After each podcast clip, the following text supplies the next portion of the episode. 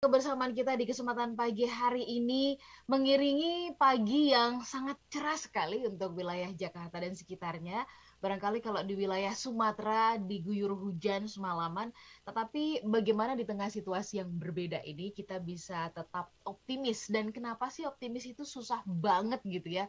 Walaupun mungkin banyak orang yang mengatakan, ayo dong optimis, tapi kenapa optimis itu susah?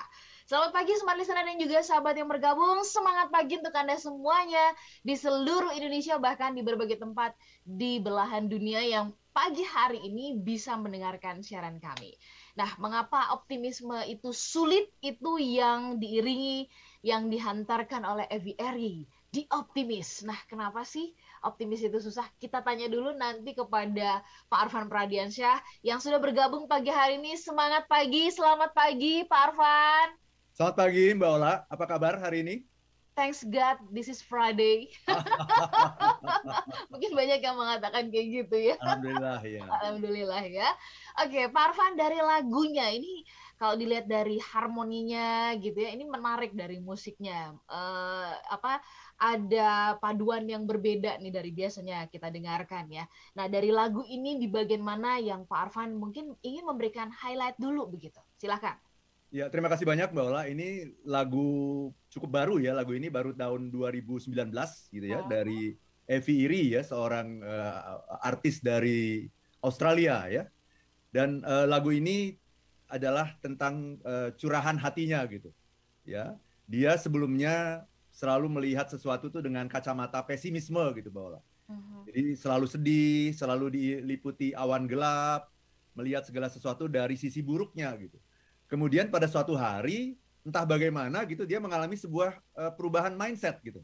Ya, jadi dia dia katakan di sini adalah overnight this angel found her hello. Semalam dia bilang malaikat menemukan halonya dia bilang gitu. Oke. Okay.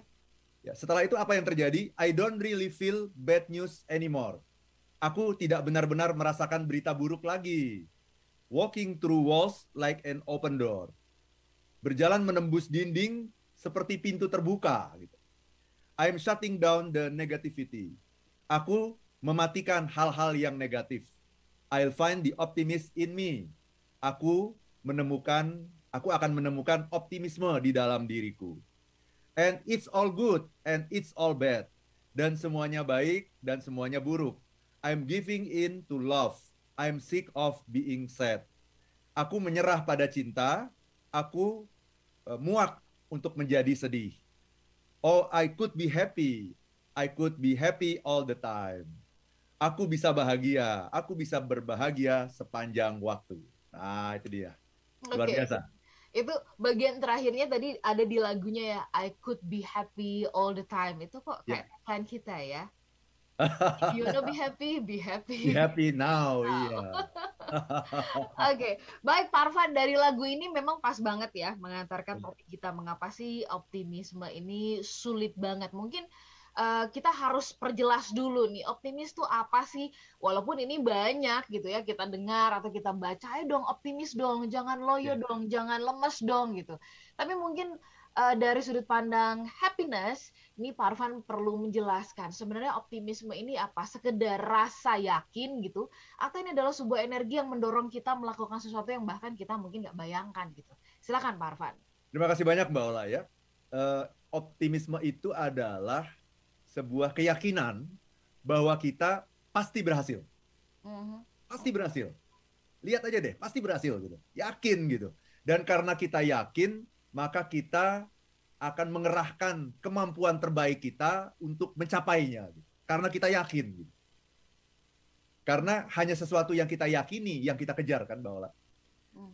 kalau kita nggak yakin kan kita manusia itu kan selalu punya perhitungan untung rugi ya cost and benefit analysis perhitungan uh, manfaat dan mudarat kan seperti itu jadi manusia itu makhluk yang selalu menghitung kalau kayaknya nggak bakal berhasil maka dia akan mengurangi effortnya gitu. Mm -mm.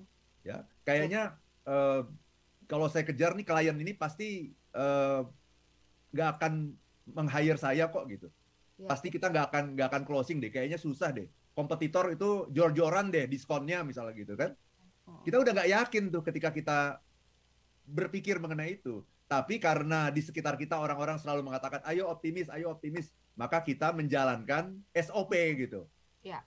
Optimisme sebagai SOP, ya saya harus kelihatan optimis, saya harus kelihatan semangat gitu. Padahal sebetulnya yang paling menentukan itu adalah apa yang kita katakan pada diri kita sendiri. Mhm. Yakin nggak ini pasti bisa? Kalau yakin, saya akan tidak akan ragu-ragu untuk mengerahkan apa pun yang saya punya untuk mencapainya. Kalau saya yakin. Hmm, hmm. Itu Mbak Ola. Oke. Uh, Pak Arfan mengatakan yang paling menentukan itu kan adalah apa yang kita katakan terhadap diri kita gitu ya. Betul. Nah, apakah ini artinya bahwa kalau optimis itu adalah sesuatu yang berlawanan dengan kenyataan Pak Arfan? Karena tadi Pak Arfan mengatakan mungkin sekeliling uh, situasinya uh, barangkali kok kayaknya tidak mungkin karena mungkin kalau ini bicara tentang bisnis kompetitor begini dan dan sebagainya gitu. Artinya ada sebuah fakta yang mendukung sehingga kita menjadi tidak yakin begitu. Pak Arfan bagaimana tanggapannya? Ya, um, kita kan makhluk sosial ya Mbak Ola ya. Makhluk sosial itu kan akan sangat tergantung dari apa yang terjadi di lingkungannya. Betul. Kita tidak bisa lepas dari pengaruh itu gitu. Betul. Ya, padahal orang di lingkungan kita itu uh, belum tentu semuanya punya mindset yang sama dengan kita. Bahkan belum tentu semuanya punya tujuan yang sama dengan kita. Satu tim nih misalnya nih, satu tim kita ingin capai target gitu. Tapi jangan-jangan ada orang dalam tim kita yang mungkin punya niat yang berbeda gitu, punya keinginan yang berbeda misalnya. Jadi jangan kita menggantungkan diri kepada apa pun yang dikatakan orang di luar kita gitu. Optimisme itu semuanya bergantung pada apa yang kita katakan kepada diri kita sendiri, Mbak Ola.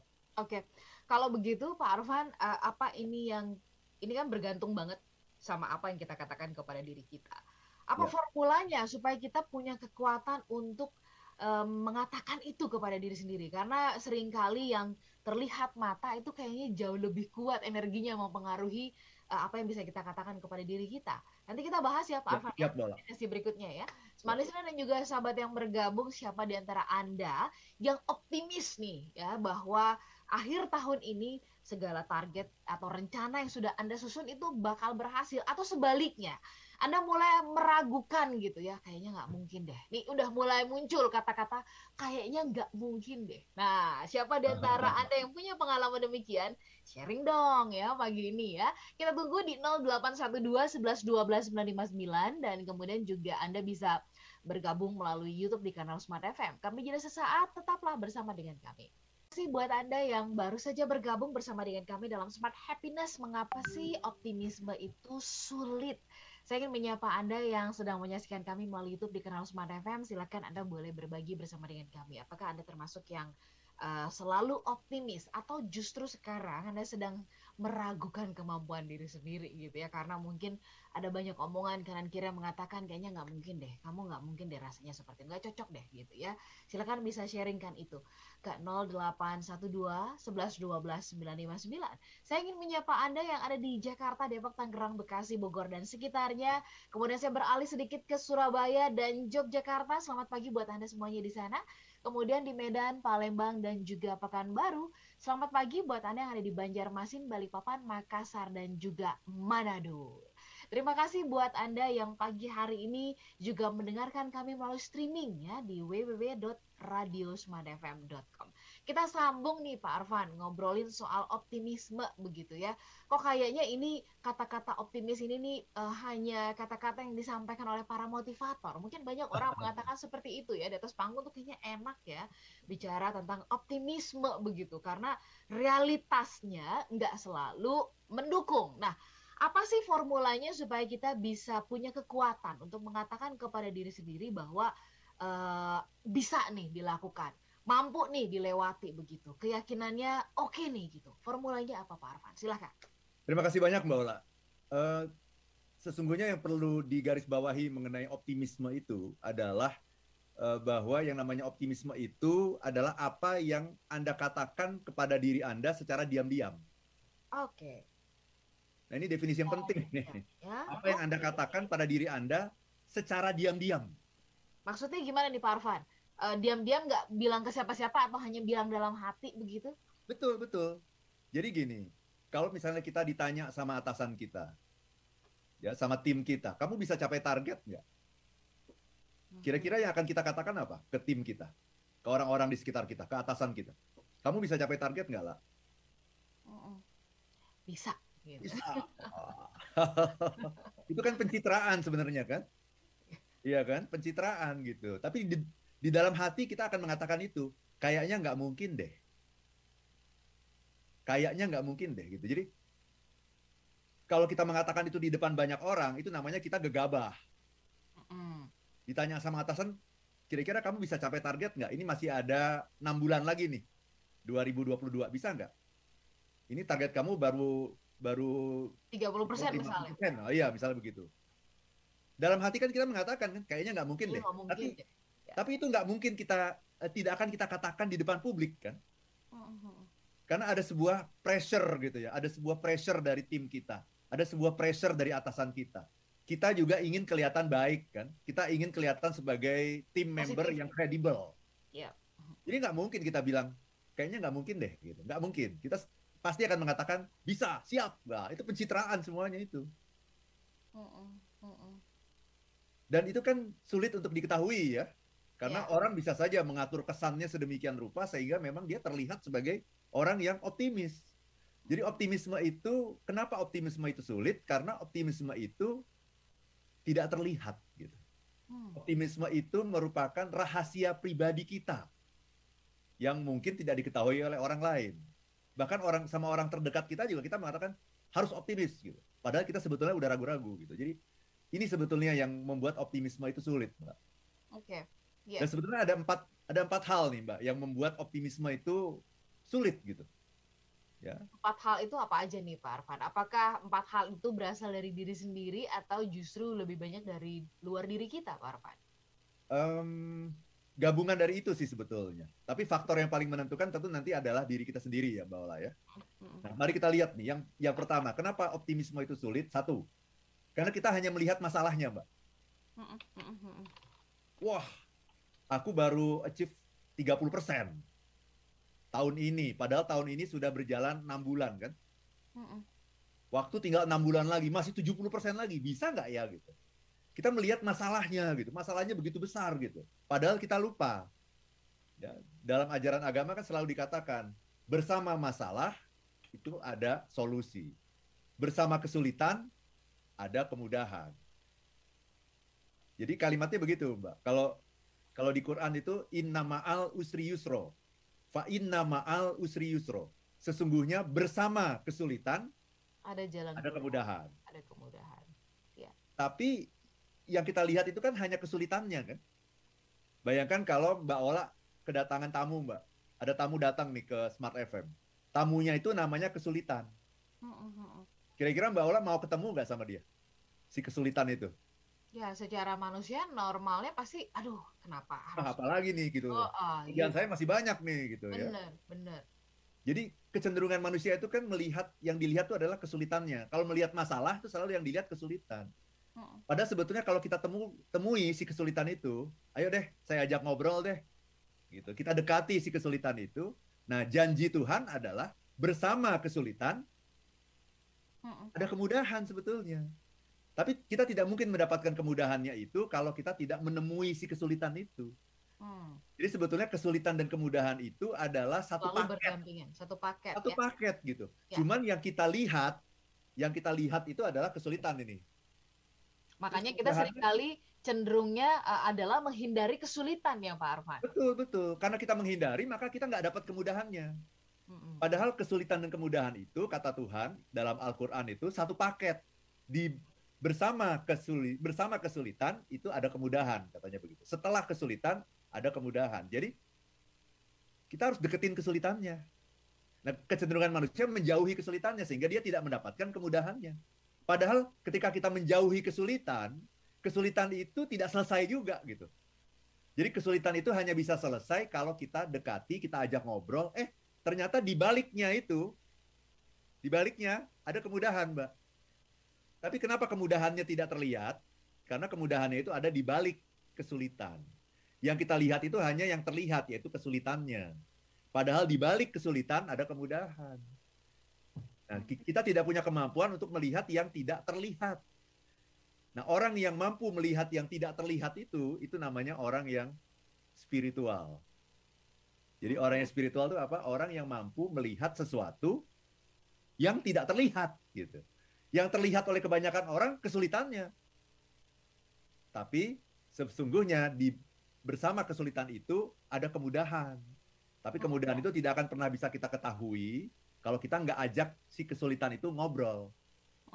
Jadi ketika ada tamu namanya kesulitan, bukan kita menghindari, tapi yuk ajak ngobrol. Yuk. Nah, kita harus duduk di depan dia, kita ajak ngobrol. Tahu-tahunya setelah berapa menit baru keluar kemudahan-kemudahannya, baru keluar peluang-peluangnya. Ya. Kan semua semua bisnis itu kan lahir dari kesulitan, Bola. Iya, peluang itu akan akan terlihat, akan muncul kalau kita um, mau melihat dulu nih ya kesulitannya apa. Karena itu tadi Pak Arfan mengatakan dia satu paket nih antara iya. peluang dengan kesulitan. Nah, kecenderungan kita uh, kan selalu tadi Pak Arfan mengatakan kenapa optimisme itu menjadi sulit karena kita belum apa-apa udah wah susah nih, wah ya. sulit nih, rasanya nggak mungkin deh begitu ya. Oh. Nah kata-kata tadi itu uh, seperti apa sih Parvan kenapa dia bisa begitu mencengkram gitu kenapa dia bisa begitu mengikat padahal itu kan kayak cuman kata-kata kan Parvan tapi pengaruhnya seperti jadi kayak berdaya magis banget begitu Parvan ya betul Mbak Ola karena manusia itu dikendalikan kan oleh pikirannya. Pikiran ya? Oke. Okay. iya kan? Yang membuat Anda mendengarkan talk show ini kan bukan telinga Anda kan? Betul. Yang mendengarkan talk show bukan telinga bukan mata, telinga dan mata itu hanya alat. Uh, uh, uh, yang membuat kita mendengarkan talk show ini, smart listener semua yang mendengarkan talk show ini, yang membuat Anda mendengarkan itu apa? Pikiran. Oh, Pikiran. besok ada smart happiness nih mau dengerin nah, apa gitu. nih gitu. Topiknya bagus nih gitu. Jadi yang mendengarkan itu bukan telinga, bukan mata, bukan. Telinga dan mata itu hanya alat gitu. Kalau kita pergi ke kantor juga, yang yang pergi ke kantor itu bukan tangan dan kaki yang berangkat ke kantor. Tangan dan kaki itu hanya alat yang mengantarkan Anda sampai di kantor. Hmm. Tapi yang membuat kita datang ke kantor, yang membuat kita mencapai target itu adalah pikiran. Gitu. Iya, iya. Nah, itulah yang namanya optimisme. Nah, eh, pikiran juga tolong dibedakan dengan otak gitu ya. Kalau otak itu namanya brain. Oke. Okay. Kalau pikiran itu mind. Ada brain, ada mind. Brain itu adalah yang uh, segumpal daging yang beratnya satu setengah kilogram itu itu namanya brain otak. Itu brain ya. Itu perangkat kerasnya mbak Ola. Itu perangkat kerasnya. Nah mind itu adalah perangkat lunaknya, softwarenya. Itulah yang harus kita isi. Itulah yang namanya optimisme. Cara pandang, cara kita melihat segala sesuatu. Baik. Pak Arfan, nanti uh, kita lihat lagi uh, apa sih faktor kedua uh, ya, ya. penyebab kita menjadi sulit untuk optimis begitu selain dari tadi ya melihat kesulitan saja, apakah lingkungan turut mempengaruhi orang-orang di sekitar, orang-orang terdekat, support system itu juga mempengaruhi? Kita sambung nanti Pak Arfan di sesi berikutnya. Smart listener, kehidupan yang kita lewati semuanya nggak selalu seperti yang diharapkan ya atau seperti ekspektasi dan dan rencana kita. Nah, apakah ada di antara Anda yang sekarang ini sudah mulai kayaknya nggak mungkin nih, kayaknya saya Kayaknya nggak mungkin. Sudah mulai ada kata-kata itu. Siapa di antara Anda yang punya pengalaman atau barangkali itulah situasi terkini yang sedang dirasakan.